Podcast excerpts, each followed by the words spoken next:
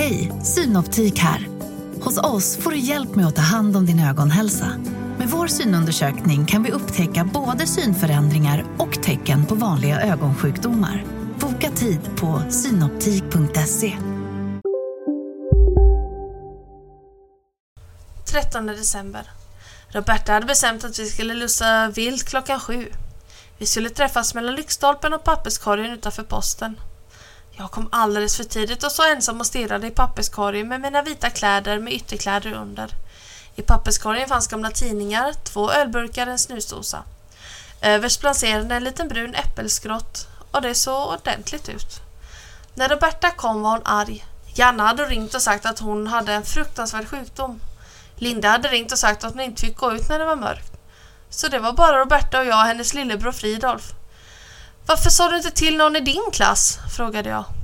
Äh, jag känner dem inte. Vi såg ut som tjocka rymdgubbar alla tre med jackorna under vitskjortorna. Men vi svävade inte. Nu gör ni som jag säger, sa Roberta. Och det gjorde vi. Man skulle ha handflatorna ihop när man sjöng. Mina var iskalla.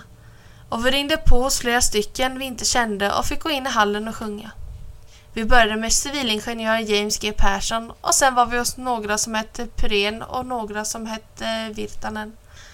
Tre sånger sjöng vi. Lucia-sången, Goder afton och Hej tomtegubbar. Fast den sista sjöng Fridolf solo, som det heter när en enda skrålar i evighet och alla andra måste vara tysta. Så här sjöng han. Hej tomtegubbar slår i glasen och låt oss lustiga vara. Kom inte hit, det luktar skit och nu ska vi spränga med dynamit.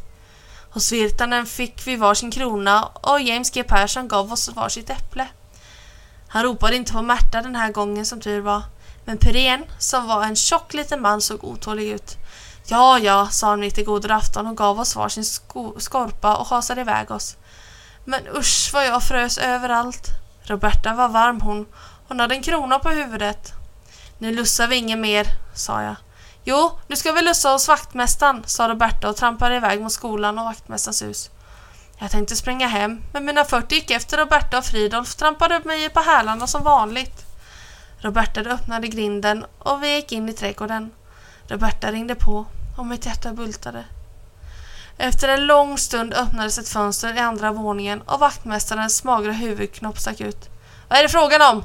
skrek han med en gäll och pipig röst. Vad är det frågan om? Det var väl inte så svårt att räkna ut när det står tre små snälla barn framför en större och de har vita kläder och glitter och krona och strutmössa. Får vi komma in och sjunga? ropade Roberta och lutade sig bakåt så Lucia-kronan åkte i backen. Ge er iväg! skrek vaktmästaren.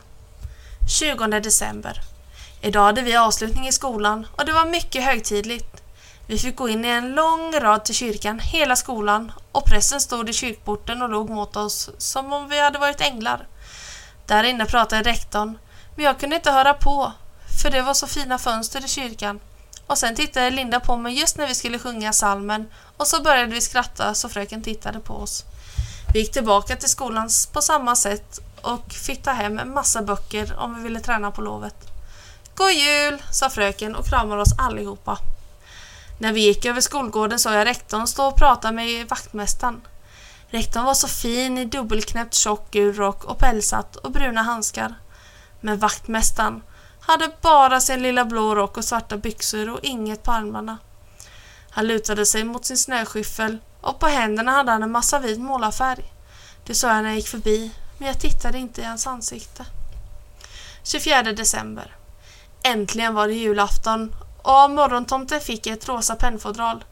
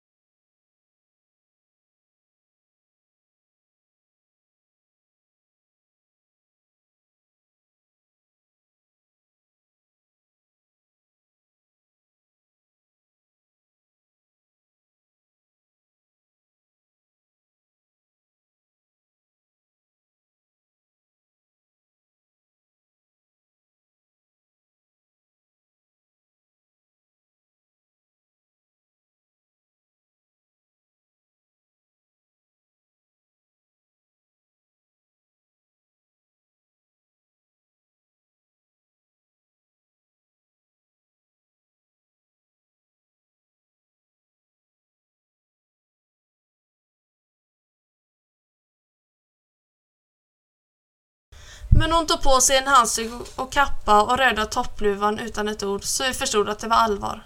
Pulkabacken var förstås helledig den här dagen och det var ett underbart glid.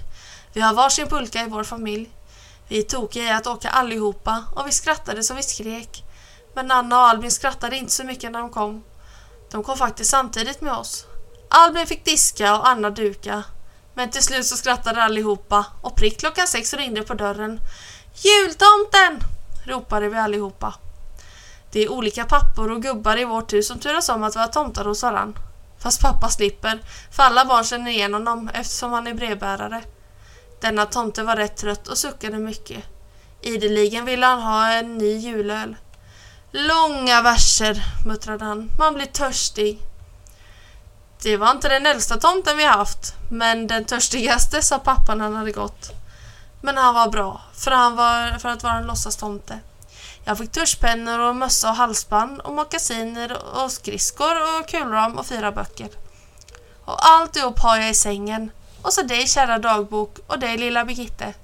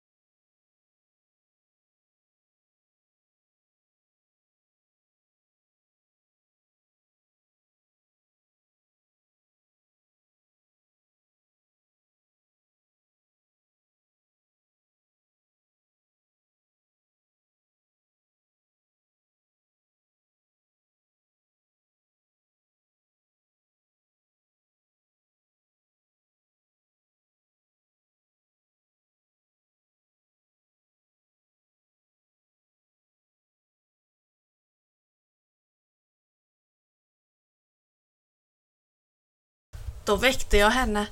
Hon berättade att varje gång hon kom in i matsalen med ett stort pyttipannafat stod det två tjocka gubbar i svarta kostymer och härmade fåglar. Kvack, kvack, sa mamma trött och somnade till. Pappa och jag gick till pulkabacken. Det var fruktansvärt kallt och det satt rödsvarta domare och kvittrade i björken. Sen lagade pappa nyårsmiddag på vit duk. Löksoppa. Det är spännande när pappa lagar mat. Om det är mammas tur säger hon bara kött eller fisk och sticker in handen i frysen. Svarar man kött tar hon fram en näve köttbullar ur ett paket. Om man svarar fisk så tar hon fram en näve fiskpinnar ur ett annat. Pappa gör kalkon, vispat ägg, smulpaj och andra fantastiska saker. Och han gnolar när han lagar mat. Fast eh, när han diskar gnolar han inte. Men man kan ju inte vara glad jämt. Ja, varför inte det? 6 januari. Som jag längtar efter att skolan ska börja igen. Jag längtar och lukten efter bamba, utom när det lever.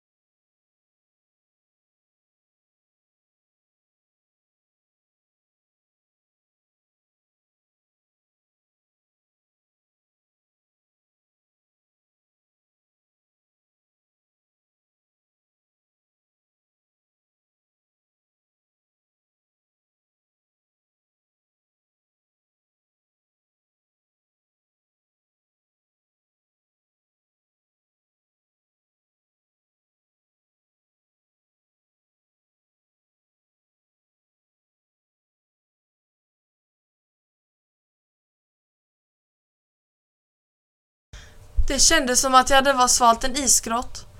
Vad håller ni på med? sa han med sin pipiga röst. Vi ritar en skrattruta, sa jag. Där vi kan stå och skratta. Jag tittade på hans magra långa händer. Idag hade han svart målarfärg på båda två. Jaså, sa han. Hitta inte på någon fanstyg bara. Han såg nästan vänlig ut för att vara han. Och så vände han helt om och gick bort mot Bamba och gick in genom den lilla grå dörren. Vem var det? sa Linda. Var det en bambagubbe? Jag måste skratta. Det är ju vaktmästaren, sa jag. Han är farlig. Hur då farlig? frågade hon. Äh, det vet väl inte jag, sa jag. Han kammar sig med en kniv.